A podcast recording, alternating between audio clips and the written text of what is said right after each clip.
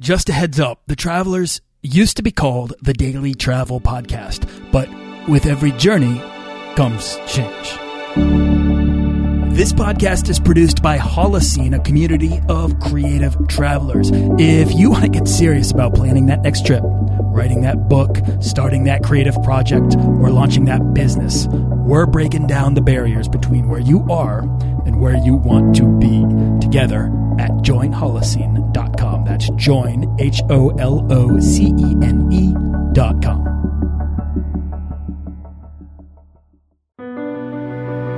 This is episode 18 with Chris Christensen of the Amateur Traveler Podcast. Do you want to travel further and more often to visit new places and meet new people and expand the role that travel plays in your life? I'm your guide, Nathaniel Boyle, an explorer that wants to help you get out, see the world, and find meaningful, life changing experiences. Everyone wants to be adventurous and have great stories. To do the stuff of legend. This is the Daily Travel Podcast. Today's free travel resource is going to be my own ebook, The Beginner's Guide to Points and Miles. And I wrote this because I felt like there weren't enough sites out there paying attention to the people who felt overwhelmed. So I put together 10,000 words. That's 40 pages on how to get started traveling for as close to free as possible. This podcast is about crushing the things that prohibit us from making travel a bigger priority in our lives. And cost is at the top. Points and miles are the best way I know to get over that hurdle and become an explorer of the world. This book is yours completely free at dailytravelpodcast.com. And all of the resources mentioned on this show can be found at dailytravelpodcast.com slash resources. I curate them from personal experience and the recommendations of all my guests who are amazing world travelers and industry experts. So whatever it is you need help with, there's a good chance there's something there that's got you covered. Okay, uh, so I'm here now today with uh, Chris Christensen, the host of The Amateur Traveler and a uh, co host of This Week in Travel, two podcasts uh, that uh, have been around for a few years, at least since what, 2005? Amateur Traveler's been around for 2005, right? Yeah, The Amateur Traveler is an online travel show that focuses primarily on travel destinations and what are the best places to travel to and includes a weekly audio podcast, a video podcast, and a blog. Uh, so, Chris, how are you doing today? I'm doing terrific. Awesome. Where are you uh, coming from right now? I'm actually coming to you from Boston, from uh, Newton, Massachusetts. I'm out. I do some consulting part time right now for TripAdvisor, and I'm out working for them last week and this week. That's awesome. I am from the town right next door to wherever you're staying. Uh, so you're kicking around in my hometown. Yes, in fact, if you'd had a better setup, we would have met in person. I understand. Uh, yeah, that would have been that would have been good. We're, I'm almost there, soon enough. Actually, I've never done amateur travel in person either. Ah, oh, well, that's good. good. I feel better then. I felt inadequate in the equipment department. I've given kind of a basic overview of who you are, but uh, if you could just tell us a little bit more about yourself, who you are, um, how you got started traveling. Well, I got started traveling because my parents would drag me along and gave me gave me no choice. For for us growing up, that was get in the car and pull a little tiny travel trailer. I think it was 14 feet, but you have to count the trailer hitch for that. So probably only 11 feet, and four of us. I have one brother, and we would go around the western United States, especially. So saw a lot of national parks. Is probably where I developed my love for travel. Yeah, which parks stood out to you? Uh, which park stood out for me? Well, in my home state of of California, certainly Yosemite, Yellowstone being one of the you know amazing parks, Grand Canyon, of course, and then I'd say Bryce Canyon is one that I got back to as an adult and just really is probably one of my favorite national parks. That's amazing. So, at what point did your uh, early inspiration turn into something that you wanted to do full time? Well, in 2005, which we mentioned is when Amateur Traveler started, I decided that I had loved this new format of podcasting. Podcasting started around September 2004. I started listening in around April of 2005 when one of the tech shows that I listened to went to the internet as a podcast. Uh, this week in uh, this week in tech, and so I decided I wanted to do my own show because I'm a podcast uh, addict. In fact, right now I subscribe to about 90 podcasts, so I'm still a podcast addict, and I thought about doing a religious show. I thought about doing a Mac tech show. Somebody else was already doing that. And then we had some friends over for a Memorial Day picnic and all the best stories were travel stories. And so that's where it was decided that it was decided. That's where I decided, speaking in the passive voice now, that I was going to be doing a travel show. And originally the idea was that it was going to be my travel stories, but the, the math didn't quite work out on that with doing four weeks of travel a year and trying to do 48 episodes a year. Oh. so it became an interview show fairly quickly. Have you ever had a uh, like an aha moment on the road, uh, traveler's aha moment, a time in which uh, you knew you'd never stop traveling, or an experience that defined your travel style? I think my travel style is constantly in flux. I would say one of the things that's been interesting to me that is was a trip that was fairly interesting in terms of defining my travel style. So I went on a trip to Tanzania. It was actually a, a, trip with some people from my church, and we went down to connect with a church that was doing um, work in with AIDS orphans. And so it was part that, and then we also went out and saw the big uh, wild animal parks there. We went to Ngorongoro, and and my wife wasn't interested in coming because she said, you know, why don't you go and see how it is, and you know, and if it if it's not too hard, if it's not too challenging, then I'll come on the next trip. And so I came back and I said, yeah, it was easy. You know, I, there was never any point where I was past my culture, you know, barrier or whatever, whatever it is that are my limits. We weren't even close to it. You know, we had, we slept in beds. We had flush toilets most of the time. We had hot showers every day. If it, even if it was from a bucket shower or something like that, you know, it, it was easy. She's hearing the same things going, I'm not going. and, you know, for me, like we pulled up to, at one point, there were 10 of us on the bus and we pulled up to a marketplace and not where the tourists go, but out where the locals shopped. And I just kind of headed off the bus and I headed off in one direction, very confident that I could find my way back and very comfortable comfortable in the space. It was a poorer neighborhood, but I've I've been in poor neighborhoods before outside the country and just very comfortable. Eight other people followed me. It's sort of like, well, Chris couldn't find his way back. I was the only one who spoke any Swahili at all. And you know, you're you're out there and somebody is offering you sugar cane and it's like come taste Africa and you know, and it's it's just that experience was like, hey, I I guess I don't know where my limits are yet. And that has still been true for most, I think for every trip I've done so far is wherever my limits are, they're, they're a little past what I've done so far. You know, you start with the, gee, the first time I was in Europe, I was really intimidated by Amsterdam, but now I laugh when I think about that because the more confidence you get, the, the more times you take up the guy who offers you the you know, to become your free tour guide in the, while you chat with him in the Zocalo of Oaxaca or something like that, the more you go, well, gee, this isn't that hard at all. Right. So, right so I, I think I'm still discovering my travel style in some ways. I, I like to do more independent travel. We don't tend to do tours, um, and in part because I like to learn things. And you know, there's nothing that kind of forces you to learn things like standing in front of the ticket machine in the Czech Republic when you speak no Czech, trying to figure out how to get a ticket out of that machine. Yeah, Chris, you're you're you're you're completely speaking my language right now. I mean, it's to me, travel is, is really all about pushing your limits. It's really, it's really all about broadening your horizons, right? And, and the more you challenge yourself, uh, it may not always be comfortable.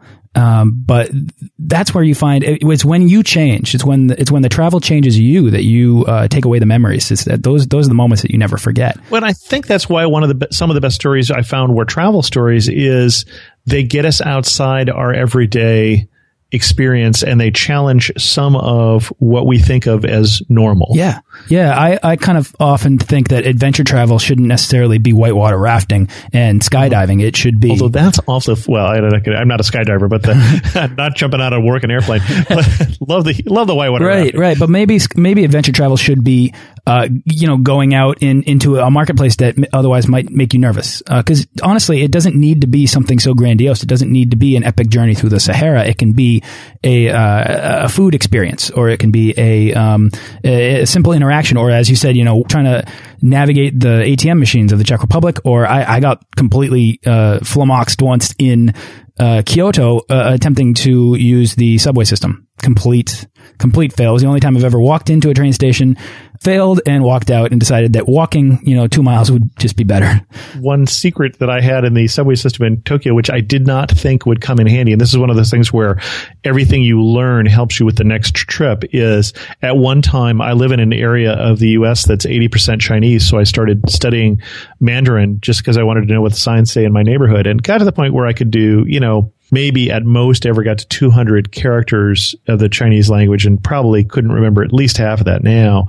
But one of the characters that I remembered was the character for person or for adult. And when you're in the Kyoto subway system, that came in very handy because you needed to know which button of these two buttons to push and there was no english translation. There was just kanji on them but fortunately that's the same character system. So that that uh, i didn't expect that knowing chi- a little chinese would come in handy in japan. That's br- that's brilliant. I love that. That's great. That that's lucky too yeah but that's it. That's what it's all about. I find you put yourself in these situations, even if, or I should say, if you're not afraid to put yourself into these situations, you, will surprise yourself with uh, the little things like that. And and and like Chris, you'll never forget that little moment. You know, I mean, right, right, That right there uh, changed your perception. Little, not little tiny triumph. Yeah, I mean, didn't that take away some of the fear of stepping outside of your comfort zone? Right. And every time you have a little bit like that, uh, you're able to step further and further outside of it. Uh, I, I, mean, my goal here with this show is really just to try to encourage people to see that, see that if you can take one step outside of your comfort zone, the second step is going to be a whole lot easier. You know, one thing that was surprising to me is that fear is something that is a barrier, but it's not always, as somebody who has traveled a reasonable amount, you know, not nearly as much as some of my travel blogging brethren, but I have traveled to, you know, more than three countries. I've traveled to about 30 or something like that. yep. And of a variety of countries, you know, some Western and some, and some not.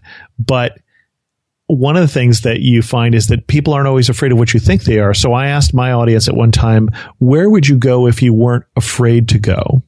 And I expected to hear places. This was right around the time of the Arab Spring. So I expected to hear Egypt and I expected to hear Mexico.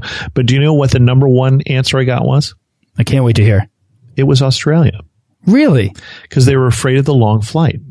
Oh. And it, it, it seems such a shame to me because it's a long flight, but they don't make you row, right? you, you, just have to sit in an easy chair and, you know, watch videos or read a book. Uh, that's, you know, and try and get some sleep, which I understand that that can be hard. And, but it's really not something that we need to be afraid of. Uh, it is something that you need to get through and it is a barrier to going there, but it's interesting. I wasn't expecting that answer. Yeah, that's fascinating. I mean, it's one thing if you have a fear of flying; it's another if you have right, a fear right. of sitting in a chair for 24 hours. You know? Right.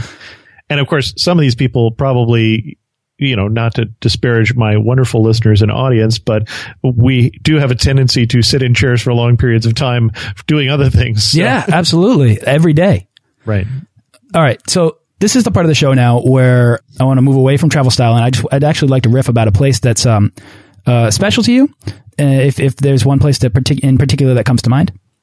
I'm gonna throw out Istanbul.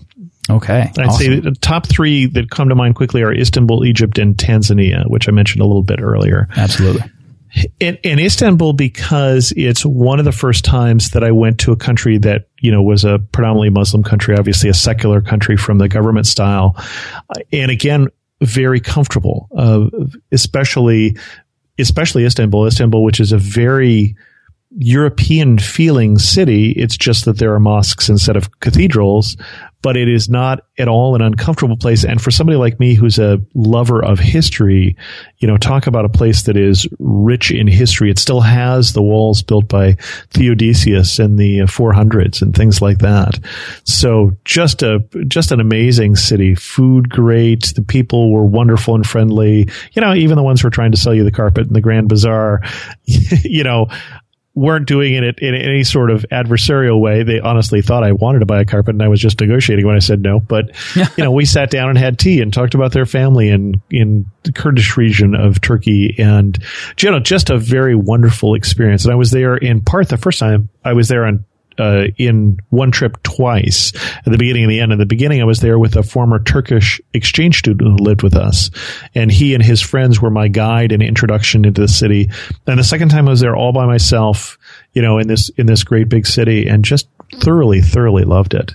You know, little, not just the Hagia Sophia and Sultanahmet Mosque or the, the Blue Mosque, as you sometimes hear it called, but also little tiny gems like, hey, we're going to go up to the cafe at Pierre Loti, which looks over the Golden Horn and, you know, is just a very Turkish place to go, or going out to the Saint Saviour and Chora, which is have some of the best Byzantine mosaics, and tourists don't get there because you have to you have to be willing to get on a bus to get there, and you know get out there on your own, and so it's just wonderful little things like that that I remember from that experience you mentioned that you had sat down and had tea with people there. Now, how's, how did that how did that come about? How did you sit down? And so that would be the part of the trip that I was with Yos, who is our former exchange student, and so he said, you know, here's some place that I want to show you that that I love in the city, and so we.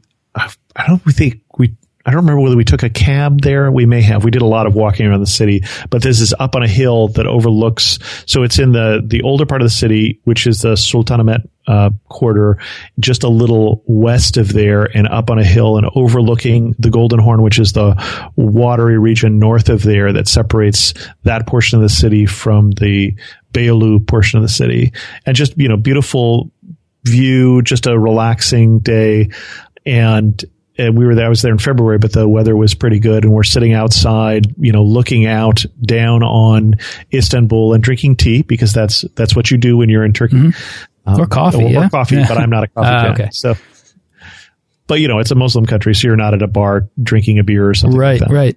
I would have to say, uh, imagine that your experience in Istanbul as an American has shaped your perspective of uh, Muslim culture and probably filtered everything that we hear through the media and everything that we hear from other people gives you a new uh, kind of a new lens on that part of the world. Well, everything you learn now is built on everything you learned before. So, for instance, that experience was after we'd already had an exchange student live with us for 10 months. So that started to shape my opinions or my understanding. And then the Istanbul experience went a little further, going to Egypt just before the, uh, Arab Spring, you know, goes a little further in terms of understanding and in terms of, you know, most of the people in the Muslim world just want to get up and go to their jobs and feed their kids. And I mean, it's very sounds familiar.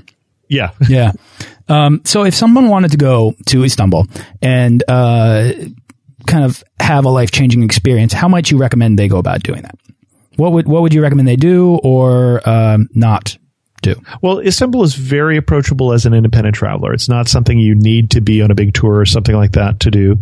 Um, I stayed in two different places. I stayed uh, near Taksim, which is the big sort of central square up in the Beyoğlu area.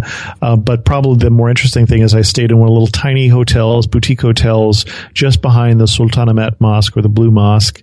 And a lot of that area is just explorable on foot. So the Grand Bazaar, the Spice Bazaar, uh, going to the the old palace there, the Topkapi Palace, that is all very easily walkable. You don't even need to try out the public transportation. If you want to get to some of the other things, like later on, they built a a different palace in the European style, uh, the Dolmabahce Palace that is along the Bosphorus, that you need to, you know, basically probably most people would get in a cab or take a bus to get further north. So, you know, you do need to want to tackle the public transportation, but even just taking public transportation in from the airport in down into the Sultanahmet area, it's really not that hard a city to tackle.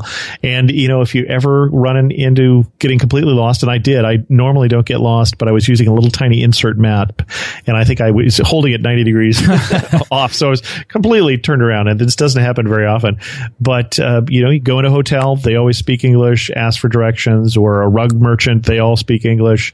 So it, I had one rug merchant who I went into his shop and said, I'm looking for this address. And he said, ah, you know, let's come with me. And he, he basically walked me until I could see my hotel and then just said thanks, gave me his card. If I wanted to buy a rug, I was, that was the place I was going to go. I love that. I love that. Yeah. I, I uh, when I was young, I, uh, I got completely lost in Paris and um, I must have been like 10 blocks outside of my way. I had absolutely no, no idea where I was. Um, and I spoke some French, still do. Uh, and so I went up to a, uh, a woman and I said, "Can you can you help me? I'm trying to get back to my hotel." I told her the address. I didn't have a map. Then she said, "Oh, okay, follow me." And she walked me like eight blocks out of her way. Yeah. And and said, "Here you go. This is you know just go down there and take a left." And then and I said, "Thanks so much. That's you know uh, what. Thank you so much. That's, that's well above and beyond." And she said, "Oh, it's no problem. To be perfectly honest, I'm from Normandy, and uh, you know I'm still very appreciative of Americans." And huh. you know, as as a high school student, I was like, my mind was exploded. I was like, that is so much, that's so much deeper than just human kindness. There's so much, there's something so much bigger at work here. And to have kind of glimpsed it or to have experienced it, man, it just made me hungry for more. Excellent. This is the part of the show where I want to uh, boil down into the how and the why of uh, of travel into pragmatic advice. Okay. This is the lightning round you're saying. That's basically a lightning round. Yes, rapid fire. So here we go. First one is for a lot of people, uh, taking that first step out the door can be the hardest part of travel. So what's your advice for anyone dreaming to take that first step to becoming a world traveler? Well, again, because everything that you learn will grow in steps, you don't have to start with independent travel if you're not comfortable with that. I would say that when we went to China, for instance, we actually did a tour. We did a tour with Intrepid G Adventures is another good small group travel company and it's uh, 8 to 10 8 to 14 people or so so really fairly affordable also you're going to use public transportation as such. So it's a good stepping stone to becoming an independent traveler, or it can just be a great way to get out and travel a place with a guide. So just depending on what you're comfortable with. Love it. Uh, all right. So the biggest hurdle most people who want to travel is cost. Do you have a secret money saving tip or travel hack? It is not necessarily as expensive as you think is probably the first thing to be aware of. It is more expensive if you go during the busy time of year. It's more expensive if you go in the summer. So the first obvious thing is go shoulder season, go May or September, especially if you're going to Europe or someplace in the northern hemisphere. Going just before, just after the crowds is going to give you better weather, a better experience, and cheaper. Yes. Uh, if you really want to save money, you can go in the in the dead of winter, yeah. and and you'll have much cheaper rates. But you know, if you don't go around the December timeframe, so that's something to be aware of. Is that anything off season? So I thought Japan was expensive. I was there in February, and the part where I wasn't hosted by a a airline that brought me over. I was getting a hotel room by myself in Tokyo, and it was fifty dollars a night. I mean, it's it's really not that bad. Um, so, you know, if you're not eating in the fanciest restaurant, if you're staying at a reasonable hotel, and I sleep with my eyes shut, so I don't have to stay in the fanciest hotel. I just need some place that's clean and quiet. So there are so many flight search tools out there. What's your process for finding the cheapest airfare? Well, I start with a meta search engine, so a search engine that searches other different sources. And I tend to start with TripAdvisor flights because I was in charge of it for a year and a half, so I know it best. uh, TripAdvisor.com slash flights. Kayak is another good one. Skyscanner mm-hmm. if you're traveling someplace in Europe uh, Mobissimo. There's a number of them, but start with one of those, and then you can spot check if you're traveling domestically in the U.S. For instance, you wouldn't get like Southwest flights wouldn't there. You can spot check some of those, but starting with a meta search engine is a great place to get uh, do one search and get a lot of answers. Um, and if also one thing, Kayak has something that's great. If you're not sure where you want to go, go to kayak.com slash explore and say, I know I want to go someplace in February and here's where I'm starting from. And it'll give you a range of airfares and you'll find out, for instance, I didn't know it would be that cheap to go to Oaxaca or I didn't know that Colombia would be that cheap that time of year. So it might give you a different place to go in terms of saving money. Uh, you've brought up Oaxaca twice now, and that's a place I am just dying to go to. Pretty awesome. Ah, any day now. Good food because you get the land of mole, and then up above on the hills you get the Monte Alban, which is where the the Zapotec Indians, or not Indians, but the Zapotec people basically leveled a mountain to build a city, and only about ten percent of it is excavated, but it's just an awesome place. Sign me up. Yep. Sign me up. Let's go. All right. So packing is easily my least favorite part of travel. Do you have any advice to help people pack better? No one ever comes back for a trip and says, boy, I really wish I had packed more.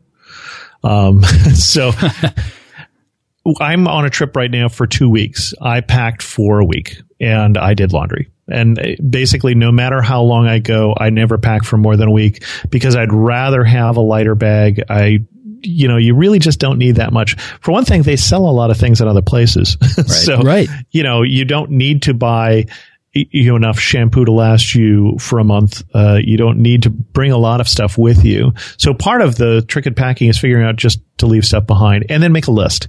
So I can pack for a trip, for a two week trip in about 15 minutes, uh, because I know, you know, how many days I'm going to be there. That's how many, you know, that's how many shirts up to seven. Uh, because again, I only do that. Throw in one t-shirts, you know, some underwear, some socks. Uh, it, really isn't doesn't have to be complicated. I actually have a link somewhere on my site to a packing list that I use. Um, if you search packing lists on Amateur Traveler, it may at least give you some ideas. But you know, basically at that point, then you need to think about is okay if you're going in the summertime, don't forget your sunglasses, sunscreen, you know, underwater camera potentially, depending on where you're going. If you're going in the wintertime, you know, you've got a separate section there for your boots, your air, you know, your umbrella. So for some of us from um, California, for instance, it's amazing how we forget that it rains on the places in the summertime because we don't get rain in the summertime.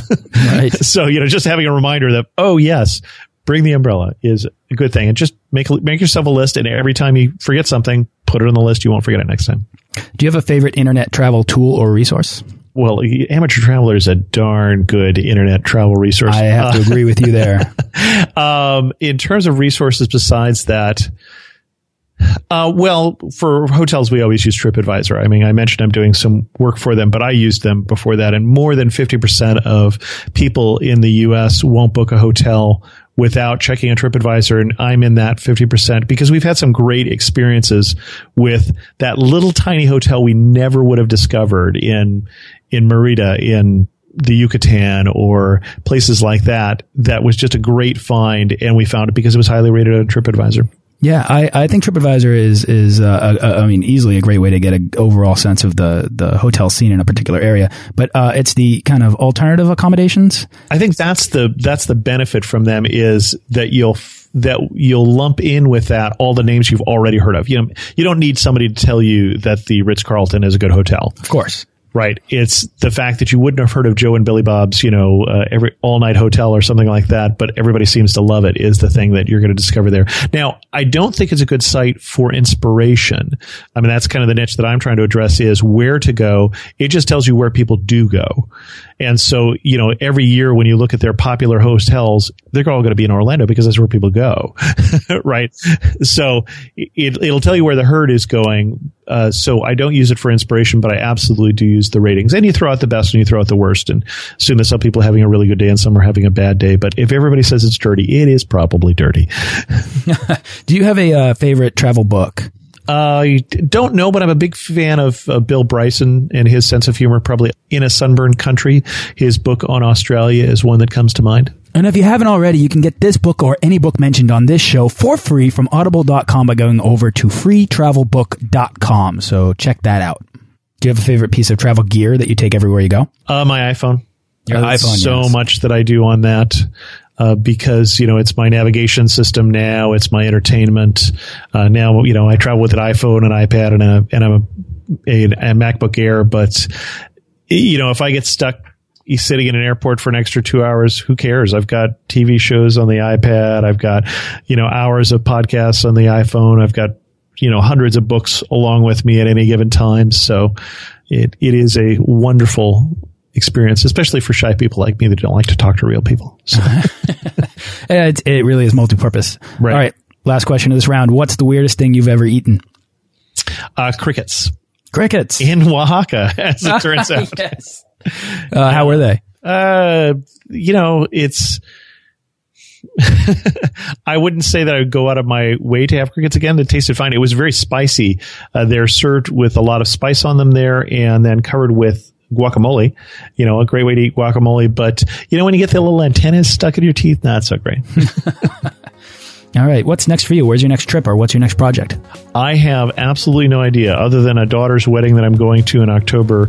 I have actually no travel planned at all this I'm sure something's going to pop up for you. Well, that's my hope. I, am not planning on not traveling. I just don't know where I'm going to go. All right. Where can uh, people go to find more about you? Uh, well, amateurtraveler.com is probably the best place. I have a personal blog, but I don't update that as often. You know, also, I, I wanted to throw this out because I, I think this is handy, but, um, and correct me if I'm wrong here, Chris, but amateurtraveler.com slash map. Yeah.